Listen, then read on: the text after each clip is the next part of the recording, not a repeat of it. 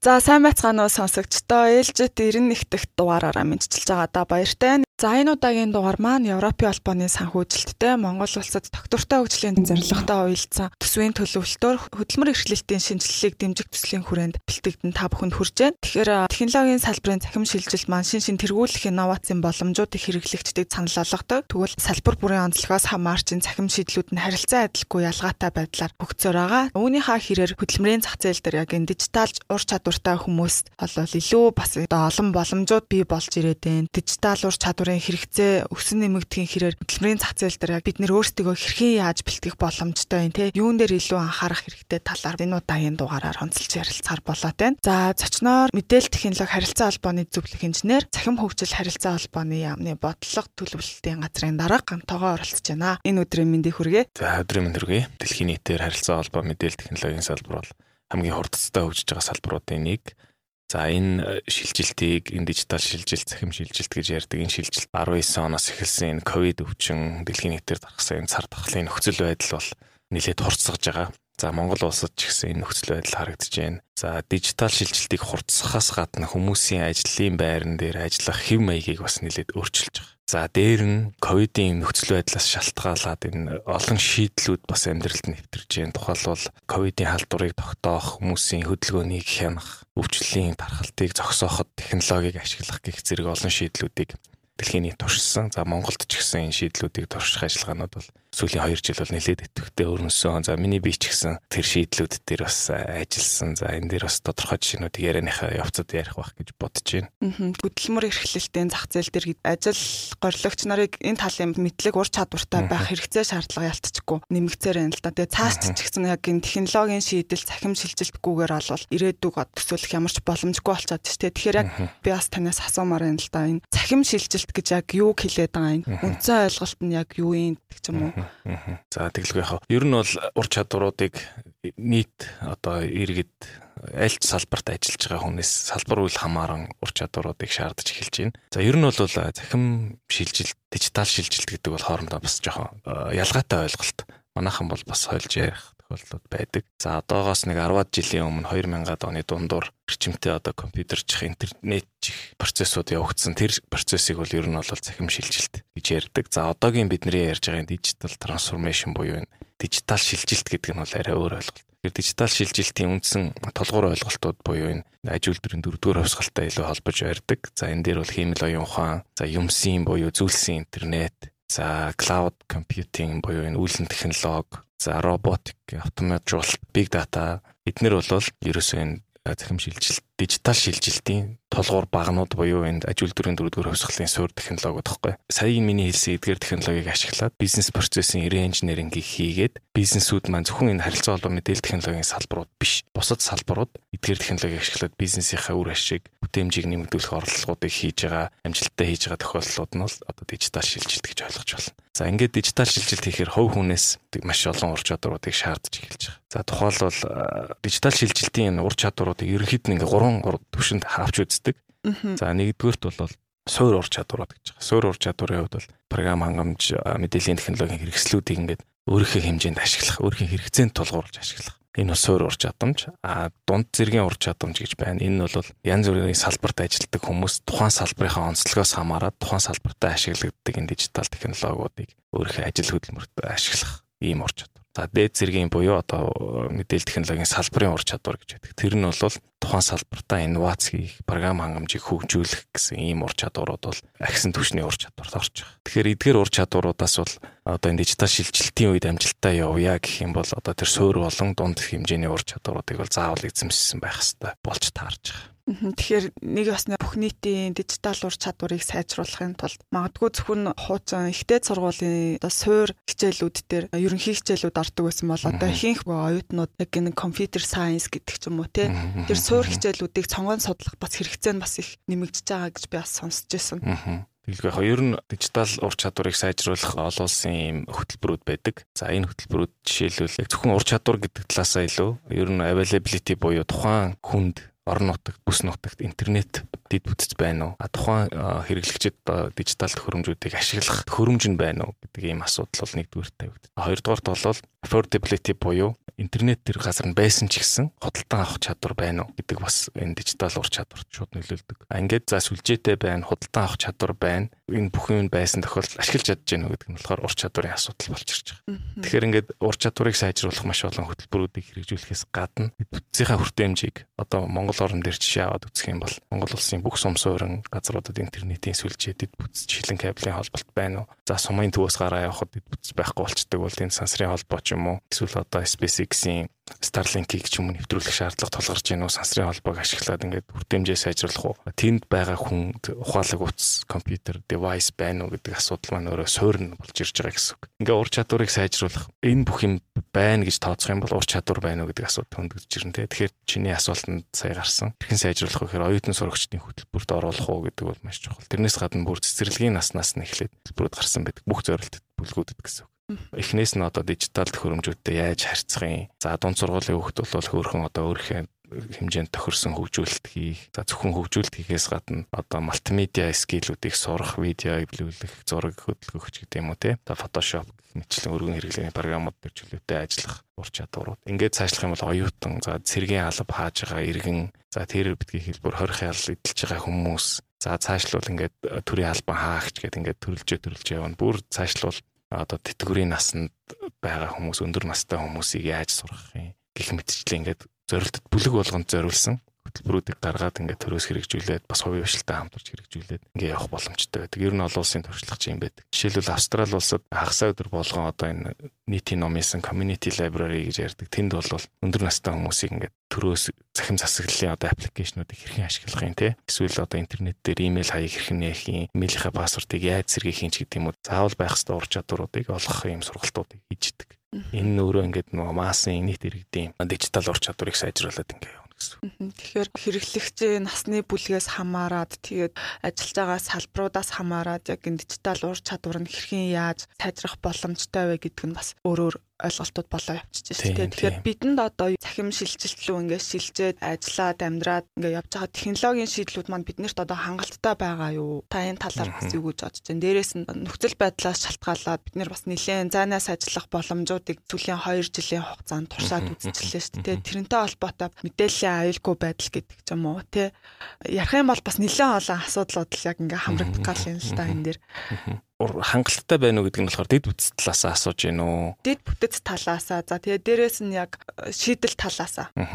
Дэд бүтц талаасаа гэвэл одоо хангалттай хэмжээнд байна. Төрөний миний дурдсанчлан бас одоо манай улсын интернетийн хүртээмж нийт иргэдийн одоо 97% нь интернет ашиглаж байна. За тэр нь бол суурин үрэн гэдэг янз янзын интернетүүдийг ашиглаж байгаа. За нийтдээ 4.4 сая утгаар утасны хэрэглэгчтэй болцсон байгаа. За энэ бол давхарцсан тоогоор мэдээ зарим хүн 2 дугаар ашигладаг гэсэн. За эндээс 3.3 сая нь бол ухаалаг утас хэрэглэж байгаа гэж байгаа. Тэгэхээр ухаалаг утсан дээр бол төрийн үйлчлэгийг болон хувийн хвшлийн үйлчлэгээнүүдийг ингээд захин бүтээгдэхүүнүүдийг ашиглах боломжтой бэлэн хэрэглэгчд байна гэсэн үг тийм. За ур чадвар талаас ярих юм бол 2018 оны нийгмийн эдийн засгийн төвөр судалгааг үндэсний статистикийн хорооноос хийсэн байдаг. Энэ дээр нийт иргэдийн бол нэг эмэгтэй 33%, эрэгтэй 31% нь төрөүний миний хэлсэн одоо нэг суур ур чадвар, дижитал ур чадварыг бол хангалттай эзэмшсэн байна гэсэн юм тоо гарсан байна. Энэ бол 2018 оны тоо. Дунджаар үзэх юм бол ер нь нийт иргэдийн 31% нь ур чадвар нь бас боломжийн гэсэн дүн гарсан. За одоо яг эцэслэгдэн хөвлөгдөж амжааг байгаа ч гэсэн бид нар бас нөгөө харилцаа холбоо мэдээлэл технологийн газар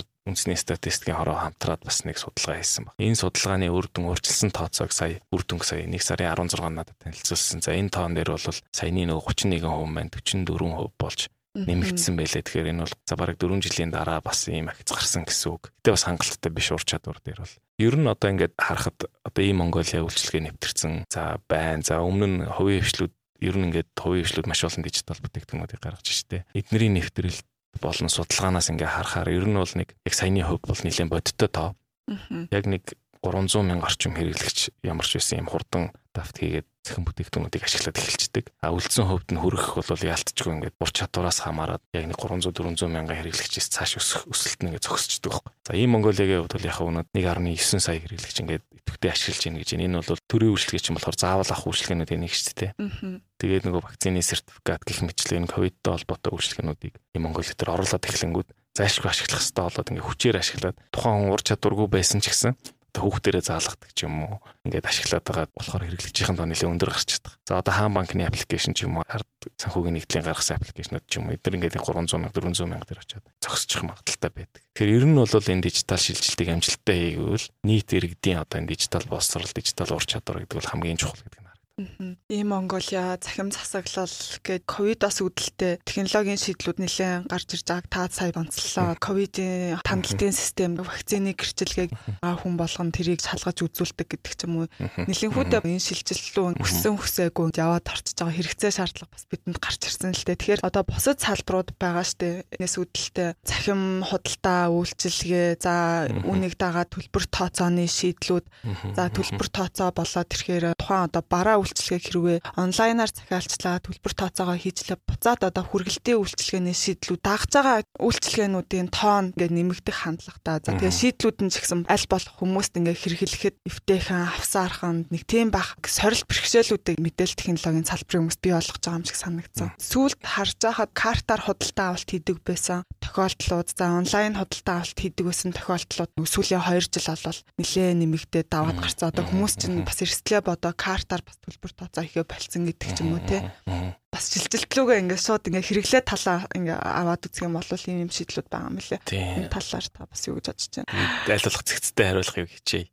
За ер нь бол ковидтай холбоотой түрүүн би хэлсэн захим шилжилт хурцсан гэх. Тэрнээс гадна гол юм нь бол одоо жишээ нь зайнаас ажиллах, зайнаас суралцах хэрэгцээ шаардлагыг бол ковид бол нарт авчирсан байгаа. Тэгэхээр энэ тоо бол мэдээж өссөн. За энэтэй холбоотойгоор яг энэ дээр технологийн шийдэл гаргасан одоо бидний өргөн ашигладаг Zoom, одоо төслийн менежментийн Trello гэдэг аппликейшн гэх мэт иймэрхүү аппликейшнуудыг хөгжүүлдэг компаниуд бол дэлхийн топ 100 компанид дээр ордоггүй байсан байхгүй өмнө. Ингээд одоо энэ компаниуд аппликейшны борлуулалтууд хэзээ шаардлага нэгссэн учраас дэлхийн 100 топ компаниудын жагсаалтанд одоо яг энэ төрлийн бизнес эрхэлдэг компаниуд хүчтэй оржсэн бүр 10 руу ч ороод ирсэн компаниуд байна. Технологийн компаниуд тий. Тэгэхээр энэ бол яг зах зээл дээр яаж disruption хийж өөрчлөлт гарч байгааг нь харуулж байгаа. За нөгөө талаас хүмүүсийн ажиллах ажлын байрны чиг хандлагууд бас нэлээд өөрчлөгдөж байна. Энэ нь бол заавал одоо нэг компанид хүн одоо нэг ажил үүрэг гүйцэтгэхэ болж байна. Энэ өөрөө нөгөө sharing economy буюу хуваалцах эдийн засаг гэдэгтэй бас холбоотой. Жишээ нь одоо компаниуд бол заавал хүмүүсээ офис дээр ажиллуулах шаардлагагүй болж байна. За заавал маркетингийн албатай байх шаардлагагүй болж байна гэдэг ч юм уу те. За маркетингийн компанитай хамтарч ажиллаад өөрийнхөө маркетингийн асуудлыг шийдэх. За нэг тухайлсан байгууллага байлах заавал цэвэрлэгээ үйлчлэгээний ажилтнтай байх шаардлагагүй. Энэ нь бол технологитой хамаагүй боловч технологи өөрөө яг ийм өөрчлөлтүүдийг хийх боломжийг олгоод байгаа байхгүй. Жишээлбэл одоо аялал жуулчлалын салбарыг өөрчилж байна. Одоо худалдааны салбарууд хүргэлтийн бизнесгээ сая чиний асуултанд бас гарлаа. Хүргэлт хийдэг хүмүүс жишээлбэл үндсэн ажиллаа хийдэг мөртлөө давхар одоо хүргэлтийн бизнесийг хийх боломжтой платформуудыг одоо гар утсан дээрээ суулгаад тухайн ажлын захиалгыг тухайн цаг үед нь аваад ажлынхаа бус цагаар хийх боломжийг гаргаж ирээд байгаа байхгүй. Тэгэхээр маркетингийн одоо жишээлбэл дизайнер хүнийг ингээ заавал нэг сар тогтмол цалин өгөөд ажиллуулах шаардлагагүй болсон. Ийм ийм дизайныг хийх шаардлагатай байна гэдэг хүсэлт тэр платформ ашиглаа явуулахад нөгөө тал захиалгын хүлээрээ сууж идэг маш олон дизайнерууд одоо байдаг ч юм уу. Энэ бол зөвхөн жишээ шүү дээ. Яг энэ шиг тухайн байгууллагт хэрэгцээтэй байгаа хүний нөөцийн шаардлагуудыг заавал хүн хүн авч ажиллуулах биш. Захиалга өгөх нөгөө талаас нь захиалгыг нь гүйцэтгэдэг хувь хүн ч байж болно, байгууллага ч байж болно. Эдгээрийг холбосон юм платформуд маш олноор гарч ирж байна л да. Энэний нэг жишээ нь одоо бид бүхэн сайн мэднэ л дээ. Одоо Uber жишээлбэлтэй өөрийн гэсэн жолоочгүй машингүй гэж хүмүүс ярьдаг шүү дээ. Яг тэрэн шиг чинь яг энэ цэвэрлэгээ үйлчилгээ, барилгын салбар, хүнсүүтэй аж ахуйн салбарт ингээ заавал өөр өөрийн ажлын байрыг хадгалаад тэн дээр хүн авах биш. Тийм платформуудыг ашиглаад тухайн тухайн хэрэгцээ шаардлага гарсан үедээ захиалгаа өгөөд ажил үүрэг гүйцэтгэждэг ийм хувилбар руу шилжиж. Тэгэхээр өөрөөр хэлбэл энэ өөрөө нөгөө нэг хүнийг shared байдлаар ашиглах боломж үүсэж байна гэсэн. Тэгэхээр цахим шилжилт энэ дижитал шилжилт гэд яриад байгаа сте улс орнууд яг энэ сурлаа цахим үндэстэн болно гэл төр хувийн хөвшил бүхэл одоо үйл ажиллагаагаа дижитал шилжилт рүү хийх зорилго зорилтууд ингэ тавиа явцсан. Үүнийхээ дагуу салбар болгоны дид зорилтууд бас нэлээд яваад байгаа юм шиг харагдчихсэн одоо яг энэ цахим үндэстэн гэж юу хэлээд байгаа юм те магадгүй одоо бидний өнөөдрийн яриад байгаа энэ дижитал ур чадварыг бий болгоход үндэс дүрмд болох юм болов уу гэж миний хувьд бол тэгж хараад байна. Гэж тайлбарлах уу. За тэгээ ер нь бол улс орнууд цахим үндэстэн болох стратеги тодорхойлоод digital nation зарим улсууд бол smart nation ч гэж ярьж байна. Жишээлбэл Казахстан smart nation, за Монгол улсын хувьд бол digital nation буюу захим үндэстэн болох зорилтыг тавиад ингээд ажиллаж байгаа. За Монгол улсын захим үндэстэн болох стратегийн зорилтууд гэдээ ярих юм бол 6 үндсэн зорилтыг бид нэр тодорхойлцсон ажиллаж байгаа. Тэгэхээр энийг товчхон нэг нэгээр нь тайлбарлаж ийгдэж байна. Эхний зорилт маань бол энэ digital дид бүтц гэдэг ийм зорилт байна. Тэгэхээр энэ захим үндэстэн болохын суурь нь бол ер нь бүтц бүтц найдвартай байх, хүртээмжтэй байх, хин нэг нэг ардаа орхихгүй байх гэдэг ийм зарчмын дагуу хийж байгаа ажлууд байгаа. Монгол орны өнцөг болон байгаа оршин сууж байгаа хүн болгоно интернетийн дэд бүтц хүрсэн байх хэвээр. Зөвхөн интернет биш шуудангийн дэд бүтц хүрсэн байх хэвээр. Шилэн кабелаар дамжаад хүрэхгүй газар нь сансрын холбоо ашигласан байх хэвээр гэдэг ч юм уу те. Энд дээрээ үндэсний хиймэл дагуул хөтөлбөр бас энэ дотор орж явдаг. За мөн 23 оноос эхлээд 5G сүлжээг нэвтрүүлэх бодлогын чиглэл бас гарсан байгаа. Энэ бол одоо ингээ байшингаар ярих юм бол нөгөө чиний асуусан цахим үндэстний бол суурна гэсэн. Хоёр дахь зорилт цахим засаглал гэсэн зорилт байна. Цахим засаглалыг бол төрөөс одоо нэг 12 мянга орчим үйлчилгээ иргэдэд болон бизнесийн байгууллагууд үзүүлдэг гэсэн тооцоо байна. За энэ дээр бол хамгийн том жишээ бол энэ e-Mongolia платформыг бас нэрлэж болно. Энэ дээр одоогийн байдлаар нэг 600 гаруй үйлчилгээ захимжаад орцсон. Иргэдийн болон бизнесийн байгууллагуудын хамгийн их ашигладаг үйлчилгээнүүд гэсэн. За гурав дахь зорилт бол энэ мэдээллийн аюулгүй байдал гэх. Захимжихын хэрээр дижитал болохын хэрээр мэдээллийн аюулгүй байдлын асуудал бол хурцаар ингээд тавигдчих ирж байгаа. Тэгэхээр энд бол төрийн мэдээллийг хэрхэн хамгаалахын, бизнесийн байгууллагууд мэдээлэлээ өөрснөө хэрхэн хамгаалахын, за иргэдийн аюулгүй байдлыг хэрхэн хамгаалахын гэсэн гурван бүлэг асуудлуудыг хөндөд явдаг. За төр талдаа бол онц чухал мэдээллийн дэд бүтцтэй газрууд гэдгийг тодорхойлж гаргаж ирж байгаа төрөний хэлсэн кибер аюулгүй байдлын хууль дээр. Тэгэхээр энд юу юу ордог вэхээр үндэсний дата төв, за бүх шатны имлгүүд, хүний нөгөө эрүүл мэндийн дата хадгалагдж байгааг улсын бүртгэлийн ерхий газар автын өрийн үндэсний төвч гэдэг юм ингээд онц чухал мэдээлэлтэй бид бүтцтэй хэсгүүдийг хамгаалах шаардлагатай эрх зүйн зөвтөлтүүд бий болцсон. За хоёр дахь эсвэл иргэдийнхийг яаж хамгаалах юм гэдэг дээр бол мэдээ аюулгүй байдлын үндэсний сөртүү гэдгийг бас байгуулах эрх зүйн орчин бас бүрдсэн. Одоо энийг байгуулахаар бас ажиллаж байгаа манай яам дээр. За за дөрөв дэх зорилт нь бол цахим ур чадвар, тоон бичиг үсгийн ур чадварч гэж нэрлэдэг. Ийм зорилт баг түрүүний миний хариулсан олон зорилт бүлгүүдээс шүү дээ. Энэ зорилт нийтийн боловсрол зорилт бүлэг болгонд зориулсан юм төлбөрүүдийг програмуудыг зохиогоод тэр програмаа одоо нөгөө бүх төвшний боловсролын байгууллагуудаар дамжуулж олгох ажлыг хийж байгаа гэсэн. Тэгэхээр өөрөөр хэлбэл цэцэрлэгийн хүүхдүүд ямар ямар агуулгыг зааж өгөх юм. Энэ нь цэцэрлэгийн багш нарт бас заах хэрэгтэй болно шүү дээ. Багш нар бэлэн байх хэвээр. Дунд сургуульд болохоор мэдээлэл технологийн хичээлээс гадна өөр одоо ямар ямар хичээлүүд оруулж болох юм, мэдээллийн технологийн хичээлд нь ямар ямар агуулгыг оруулж болох юм уу бүх юмнуудаа гаргаж өгөөд тэгээ боловсролын яамны одоо дэд бүтц буюу сургуулиуд багшлах болсон учраас дамжуулаад өгнө. За боловсролын яамд бас насан туршийн боловсролын газар гэж байдаг. Дижитал ур чадвар бол насан туршдаа сурах ур чадварууд байдаг учраас тэр газартаа мэдээж хамтарч ажиллана гэдэг ийм юмнууд хийгдэж. Дээр нь бас хөгжлийн бэрхшээлтэй иргэдийн хамгийн түгээмэл ашиглагддаг 7-аас 10 ийм вебсайтыг тодруулж гаргаж ирсэн байгаа. За энэ дээр бол энэ олон улсын BCAG стандарт гэж байдаг. Хөгжлийн бэрхшээлтэй хүмүүс ашиглахад ээлтэй болгох, бүтээмжтэй болгох, ээлтэй болгох, friendly болгох талаас нь үндэсний стандарт болгож батлах, тэгээд батлаад зорхих биш хэрэгжүүлэх ийм ажлууд бас хийж байгаа. Тэгэхээр яг хөө энийг дээр нэг жишээ ярихад сул хараатай хүмүүс, харааны бэрхшээлтэй хүмүүс вебсайт руу ороод эсвэл аппликейшн руу ороод менюг нь уншиж чадахгүй шүү дээ. Тэгэхээр одоо тэр аудио хэлбэрээр сонсогддог ч юм уу. За цаашлал сул хараатай хүмүүст одоо энгийн бидний ашигладаг девайсууд бол төхөөрөмжүүд бол нүдийг гялбуулах ч юм уу асуудлууд гардаг. Тэгэхээр бүдгэрүүлэх ийм боломжтой функцүүдтэй байх. За бүр сул хараатай хүмүүс зөвхөн ийм шар дэвсгэр дээр хар текстүүд гарах шууд өнгийн солих гэсэн үг байхгүй ганцхан тавч дараал суурин шар болол текст нь харуулчингоо тэр хүмүүст уншихад нэвтийхэн болдог юм. Иймэрхүү олон юмнуудыг энэ VCAG стандартаар тодорхойлоод өгсөн байдаг. Тэр хамгийн ихний ээлжинд бол e-Mongolia e-баримт гээд брowser-эгдэд үйлчилж байгаа вебсайт аппликейшнуудыг тийм болгоно. А үүний дараа бол жишийг болгоод бусад хувийн хвшлүүд одоо энийг дагаад хийх боломж нь бүрдэнэ гэсэн. Тэр стандарт нь батлагдчихж байгаа болохоор хэрэгжилтэн дээр анхаарч байна. За дараагийн нэг том зорилт бол инновац үйлдвэрлэл гэсэн энэ тав дахь зорилт байгаа. Инновац үйлдвэрлэлийн мэдээлэл технологийн инновацийн кластер бий болох экосистемийг бүрдүүлэх чиглэлд ажиллана. Энэ дээр бол хувийн хвшлийг татварын орчинд дэмжих бусад одоо програм хангамж импортоор орж иж байгаа програм хангамжийн өрсөлдөөн дээр одоо татварыг нэгсгэх заавал одоо удаадлаа үйлдвэрсэн програм хангамжийг илүү ашиглах ч гэдэг юм. Ийм бодлогын орчнуудыг бүрдүүлснээр програм хангамжийн компани мэдээлэл технологийн компаниудыг илүү одоо доктортой бизнесээ их боломжоор хангаж за улмаар одоо тэр чиглэлийн бүтээгдэхүүнүүдийг олон улс руу экспортлох юм боломжийг ийм зорилт байна. За хамгийн сүүлийн зорилт бол их сонирхолтой зорилт. Энэ бол үндэсний хөгжлийн хурцсуур гэсэн нэртэй зорилт. Яагаад ингэж нэрлсэн бэ гэхээр бусад салбарын одоо үтэй аж ахуй, тээвэр логистик, За эрүүл мэнд боловсрал, уул уурхай, эрчим хүч гэдэг энэ салбаруудыг мэдээллийн технологи ашиглаад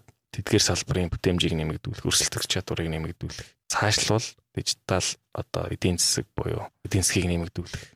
Тэгээд уул уурхаагаас хамааралтай эдийн засгийг багасгах, мэдлэг суурилсан эдийн засаг руу шилжих. Ийм зорилтууд бол энэ 6 дахь зорилтод орцсон явж байгаа. Тэгэхээр энэ засгийг солонгоруулах гэж яриад байгаа шүү дээ нэг. Тэгээд захин үндэстэн болох зорилт маань бол ерөөсөө энэ захим иргэдтэй, захим эдийн засагтай, захим эдийн засгийг дэмжсэн хуультай дэд бүтэн сайн хөгжсөн, захим засаглал нь хөгжсөн. А нөгөө ийм Монголыг хүмүүс бол цахим үндэстэн гэж хараад байдаг. Ийм Монголиа бол цахим засаглал гэдэг хэсгийн нэг гоё нэг томоохон төсөл нь. Тэгэхээр бидэд яг нэг байшингаар ярих юм бол нэг давхар нь дэд бүтц хоёр давхар нь одоо хууль 103 давхар нь цахим засаглал дөрвөн давхарт нь одоо иргэдэн энэ талтаа одоо эдийн засгаа дэмжих бусад салбарын дэмжийг нэмэгдүүлснээр дижитал эдийн засгийг бий болгох энэ бүхэн маань нийлээд ингээд нэг байшингаар зөвлөх юм бол цахим үндэстэн гэж харж байна. Тэгэхээр асуултын гол хариулт нь бол цахим үндэстэн маань бол ийм том шүү. Тэгэхээр ийм олон талбар дээр ажиллана. А тэгээ энэ цахим үндэстэнг бий болгохын тулд түрүүний хэлсэн 6 зорилтыг биелүүлэхийн төлөө ажиллаж байна л гэсэн үг. Тэгэхээр энэ зөвхөн төр хийх ажил биш бас хувийн хвшил оролцох хэрэгтэй. Иргэдийн өөрх нь оролцоос чухал. 6 зорилтын хүрээнд шаардлагатай байгаа хүний нөөц биднэрт яг хангалттай байгаа юу? Энэ бол харилцаа холбоо мэдээлэл технологийн салбарын хүний нөөц гэж штэ. Энэ бол маш тулгымцсан асуудал болсон баг. Ер нь энэ харилцаа холбоо мэдээлэл технологийн салбарт нийтдээ нэг 12 мянга гаруй хүн ажилладаг. За дотоодын нэвтрэгдэхүүний нэг 3.2%-ийг эзэлдэг манай салбар. Тэгээд хүний нөөцийн дутагдал бол асар өндөр байгаа манай шинжлэх ухааны технологийн сургуулийн одоо холбоо мэдээлэл технологийн сургууль бол темстэйгээ нийлцсэн энэ чиглэлийн нэг 2000 хүүхэд жил болгон элсээд ингээд суралцж байгаа гэдэг боловч энэ тоо бол хангалтгүй байгаа. Хоёр сургууль байхдаа одоо жишээлбэл бас боломж юм байсан бол хоёр сургууль нийлцсэн ч гэсэндээ уул нь одоо 2000 2000-ыг төгсгдөг байсан бол нийлээд 4000-ыг төгсөх ёстой шүү. Тэгэхэд бол 2000-аад төгсгдөг. Нийлцсэн мөртлөө хөвжин тоогоо хатгалаад байгаа байхгүй. Энэ бол бас нэг тийм бодлогын том алдаа гарсан юм болов уу гэж би хувьдаа боддог. За дээр нь тэр сургуулиуд маань бас бодлогын хувьд манайхтай уялдаж явдаг. Тэгээ бид хэд тоонуудыг авдаг, зарим судалгаануудыг авдаг. Тэгээд сургуулиудын захирлуудыг хэлж байгаагаар бол дээх нь үед одоо 5 6 жилийн өмнө бол 4 дугаар курсын хүүхдүүд ажилд орчдөг байсан гэж ярьж исэн бол сая энэ оны өмнө уулзалтан дээр бол одоо ерөөсөө 1 дугаар курсээс их ажилд орчдөг болчлаа гэж байгаа. Энэ тооч гэсэн одоо энэ салбарын хүний нөөц ямар их дутагдaltaй байгааг харуулж байгаа. Дээр нь манай энэ салбарын мэрэгжилтнүүд бол түрүүний хэлснээр ажлын байрууд хэм маяг өөрчлөгдөж гин гэсэн штэ. Тэгэхээр оройн цагаар эсвэл одоо ажил дээр байхдаа ч юм уу Америкийн компанид ч юм уу гадны Японы компанид ч юм уу Монголоос ажиллах дижитал номад буюу дижитал нүүдэлч ингэж ярьдаг штэ. Хөгжүүлэлтийн ажлуудыг зайнаас гүйцэтгэх ийм чиглэл өдрөө явцсан. Одоо Монголын компанид ажиллах шаардлагагүй гэртээ байж хахтай гадны компанид ажиллаад гадны цалин аваад ингээд явах боломжтой учраас энэ бас нэг хүний нөөцийн хомсдлыг бас бий болгож байгаа нэг шалтгаан баг. Дээр нь бүх төрлийн одоо энэ хөдөө аж ахуйн салбар, уулуурхаа гэдэг эднэр зөвхөн энэ харилцаа холбоо мэдээлэл технологийн салбар, оператор компани гэх мэтчлэн энэ манай салбарын хүмүүс ажиллахгүй байна л да. Бүхий л салбарт энэ хүний нөөц хэрэг болж байгаа учраас одоо манай салбарын хүний нөөц чинь ингээд тархаад явчихаар тухайн салбартаа ажиллах хүний нөөц нь хомсдолд орсон байгаа. Тэгэхээр энэ бол маш том болгоомжтой асуудлын нэг болсон байгаа гэсэн үг. Цахим шилжилт, дижитал шилжилт гэдэг ярахаар хүнс хөдөө аж ахуйн салбар гэдэг ч юм уу. За үргэлжлээд од маркетингийн салбар гэдэг ч юм уу. Яг бусад салбарын хэрэглээл яаж шилжих вэ? Бусад салбарт одоо технологи яаж нөлөөлж байна. Тэр олон жишээ ярьж болно. Хөдөө аж ахуй эрүүл мэнд хоёрын жоох онцлог дэлгэрүүлээ ярих гэж бодож байна л да. За хөдөө аж ахуйн салбарт технологи маш хүчтэй нэвтэрж байгаа хамгийн гол нь энэ зорилго нь нэг л эргээл нөгөө бүтээмж тухайн салбарын бүтээмж ийг л нэмэгдүүлэх штэ. Жишээлбэл гаа газраас авах ургацын хэмжээг нэмэгдүүлэх. Гаа газарт ажилдаг гаа газараас одоо нэг Улаанбуудаа ургац авдаг хөдөө аж ахуйн компани лээ гэж бодох. 10 гаа газарс ч юм уу те. Тэн дээр нь одоо нэг 100 хүн ажилдаг байсан бол 10 хүн ажиллаад тэгээд нэг гаагаас авах ургацын хэмжээг нэмэгдүүлэх. Энэ л зорилж дээрс технологи ашиглана гэдэг чинь аль салбарт. Бага нөөцөөр илүү их баялагийг бүтээх хөдөө аж ахуйн салбарт юу юу хэрэгжиж байна гэхээр за хавар одоо ингээд тариалалт эрхэлдэг штэ тэнд одоо өрийг дроноор ашиглаад цацах хавар зуны уйлрал намрын уйлралд одоо нөгөө шавжнаас хамгаалах хор цацах ажиллагааг дрон ашиглаж цацах энэ энтрийг бол би бүр хөдөө өөрөө Увсан аймагт аяллаар явж байгаад харж ирсэн аахгүй. Хор цацах ажиллагаа энэ төр бол дроныг эхлээд програмчлцсан. Одоо хаашаашаа 1 1 км газарт одоо хүнсний ногоо тарьсан байлаа. Тэн дээр хор цацах ажиллагаа энэ төр бол дрон ашиглаа хийдэг болсон байх жишээний. За төр талдаа болохоор бас нэг жишээ ярьж болно. Улаанбуудаа тарьсан газруудад одоо төрөөс дэмжлэг үзүүлдэг. Тэгэнгүүт хүмүүс тэр дэмжлэгийг авангуудлаа. Тариаланчд маань зарим газар ногоон тижэл тарьсан ч юм уу те. Тэгээд Улаанбуудаагаа тарьсан нөхөр ургацаа алдсан. Ногоон тижэл хураагаад авцсан ч юм уу. Энэ миний сансрын зураг ашиглаад одоо мэдэх боломжтой болсон. Энийг нь ашиглаад илрүүлсэн ийм зөрчлүүдийг илрүүлэх ч гэдэг юм ингээд. Хөдөө аж ахуйн салбарт бол сансрын зураг, дрон, за цаг агарын мэдээ, өөрчлөн мэдэх гэх мэтлэнгээр энэ дижитал шилжилтүүдэд амжилттай явагдаж. За эрүүл мэндийн салбар бас энэ захим шилжилт нь маш хурдтай явж байгаа. Хоёлоо боловсролыг нэлээд ярьсан юм чинь. Эрүүл мэндийн салбарын хамгийн гол асуудал бол нэг эмч өвчтөн, нэг эмч э, эрүүл мэндийн түүх гэсэн ийм зарчмаар ерөн дэлхийн нийт төгжиж явдаг. Энэ бол Сингапур, Австрали, Англи, Канада зэрэг улсуудад амжилттай нэвтэрсэн. Одоо бид нэр жишээ нь одоо чиний хувьд гэхэд ингээд бас энэ лифт нэг жилд нэг үзүүлдэг ч юм уу те эсвэл хоёр жилд ч юм ингээ үзүүлдэг заврхийн эмчтэй үзүүл зөвлөгөө авдаг гэх мэтчлэн түүхүүд чинь ингээд маш олон газар хадгалагтай яваад байгаа. А төрөний миний тэр концепт юу вэ гэхээр бүх энэ эрүүл мэндийн түүх үүсэж байгаа газар болгон одоо өрхийн эмнэлэг нэг нэг хоёр дахь шатлалын эмнэлэг, тусгаалсан эмнэлгүүд, аптекууд, эмийн сангууд гэдэг бүх энэ түүхүүдийг нэг бүгдлийн санд цуглуулах. Ингэснээр нэг хүнд нэг эрүүл мэндийн түүх үүсэж байгаа байхгүй юу? Жишээлбэл одоо Орхон аймгийн нэг иргэн байлаа гэж бодоход Орхон аймагтаа эмчлүүлж жаад тим тим тим эм уугаад ингэж ингэж эмчлүүлсэн гэсэн түүх Орхон аймгийн эмнэлэг дээр үүсээд нөхрийн бие муудаад Улаанбаатар хотод ирээд хоёрдугаар шатлалын эмнэлэгт үзүүллээ гэж бодоход нөгөө хүнээс амаараа чи орхон аймагт байхдаа ямар ямар эмчилгээ хийсэн бэ? Хизээ хизээ өвдсөн бэ? Үе мөччин гэснүү тэгснүү гэж ам байдал дээр суурлах биш. Шууд орхон аймагт хийсэн шинжилгээнүүд нь чи 1999 онд ийм суур өвчтөй байсан юм байна. 19 онд ингэсэн юм байна за тэгээд 2 хоног ийм ийм уусан юм байна 3 сар ингэж гам барьсан юм байна эргээд эмчтэй ингэж үзүүлсэн юм байна гэд. Тэгснээ Улаанбаатар тэрээд 3 дугаар эмнэлэгт зүрхний одоо MRI-т ч юм уу харуулад ингэсэн юм байна гэдэг ингээд бүх түүхэн ингээд нэг дор харагдчихдаг. Гэтэ мэдээж эмч болгон тэрийг харах албагүй. Тухайн иргэнээс нь зөвшөөрөл аваад харах боломж үүсэж байхгүй. Тэгэхээр эмч болгон чинь тэр хүний хувийн нууц мэдээлэл шүү дээ. Өмнөх мэдээллүүд рүү чи орлоо шүү. Эрдэнэтийн Орхон аймгийн нэгдсэн эмнэлгийн хийсэн шинжилгээний хариуч орлоо шүү. Ингээд чамд одоо нэг код ирэнгүүт тэрийг чи accept дарангууд эмч тэр чиний мэдээлэл рүү Ингэснээр энэ цахим эрүүл мэнд гэдэг бол өөрөө ингээ хөгжих боломжтой болчих. Ингээд бүх хүний мэдээлэл нэг өвчтөнд нэг эрүүл мэндийн түүх үүсэж эхэлж байгаа байхгүй.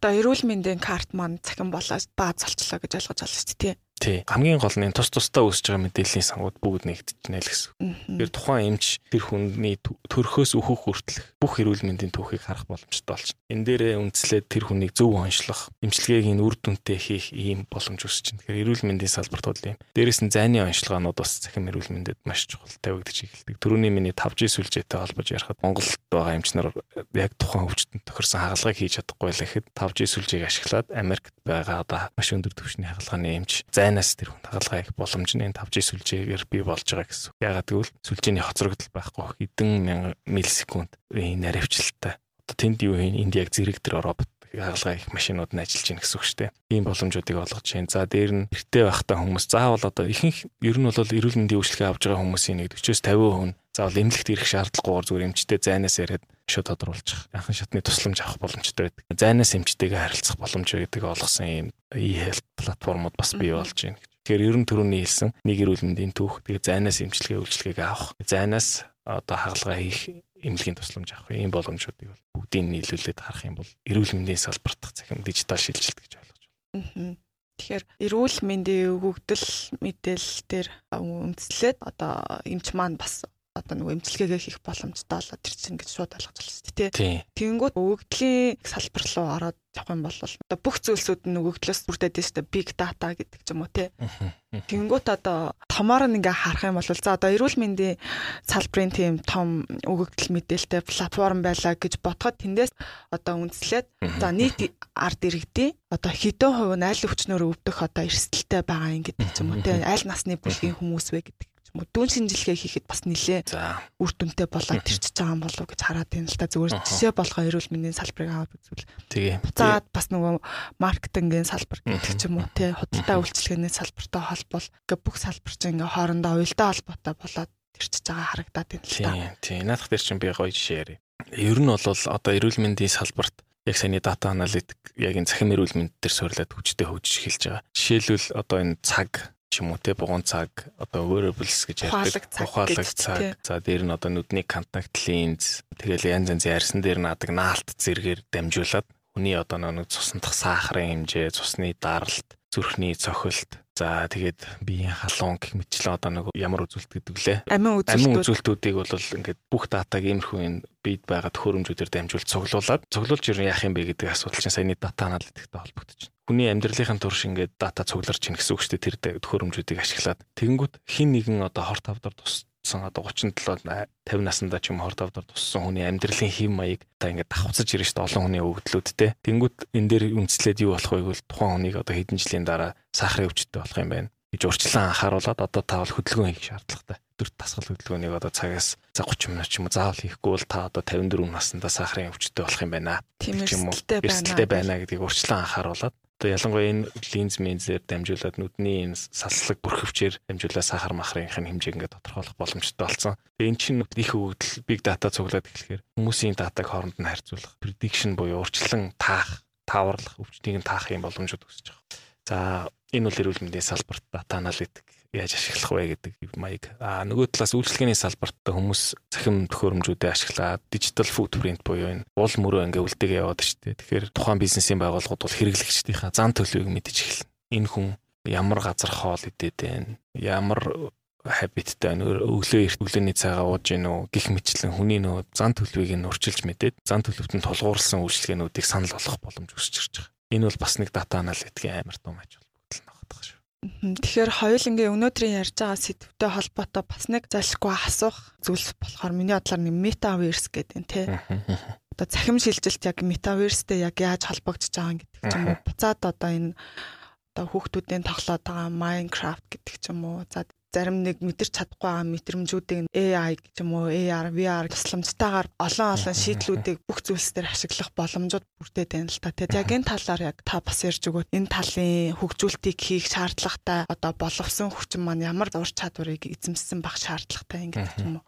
Аа зөв. За metaverse бол ер нь бол бодит ертөнцийн виртуал хувилбар. Metaverse-ийг хөгжүүлж байгаа бол дэлхийн томоохон компаниуд бол 3 4 компаниудаа хөгжүүлж байна те. За нэг нь бол жишээ нь яг одоогийн ертөнцийн одоо байгаа төв твүүд дээр далаа гэх мэтчлэн одоогийн байгаа онцлог дээр нь тулгуурлаж хөгжүүлж явах жишээ. А нөгөөх нь бол шинэ дэлхийд шинэ ертөнц энд юу ч хийж болно те. Ийм ийм байдлаар ингээд виртуал ертөнцүүдийг хийж штэ те. Тэнгүүд юугаараа бодит ертөнцөөс ялгаатай байх вэ гэвэл бодит ертөнц дээр байхгүй юмыг тэнд ингээд виртуалаар бий болгох боломж нь тэнд байгаа. Тэр хүн VR-ийнхаа шилийг зүгээд бас чихвчээ зүгээд тэгээ виртуал ертөнц рүү орох боломжийг олгож шít. Тэнд тэгэхээр юу ч хийж болно. Одоо тэнд тоглолтууд хийгдээд эхэлсэн. Америкийн одоо том том урлагийн одуудын тоглолтууд. Тэнд хүн VR-а зүгээд ингээд тэр тоглолтыг үзэх боломж гарахаас гадна суудал гэдэг үзэгчийн суудал шүү дээ. Хамгийн уртлын суудал сууж байгаа үзэгч илүү төлбөр төлөөд хамгийн уртал суух боломжтой. Энэ нөр ингээд бодит ертөнцтэй адилхан байгааз бодит ертөнц дээр ч гэсэн ойрхон суудал нүнтэй гэдэг шүү дээ. Яг энэ шиг ийм боломжууд гарч ирж байна. За өөрөөр хэлбэл бас би энд одоо мэдээлэл технологийн хүн байлаа би тэр шинэ ертөнцид эмч болдог ч юм уу. Хүн чинь нөгөө юм хүсэлээд штэ би 18 наснда мэрэгчлээ сонгохдоо эмч болчдөг ч байж тийг.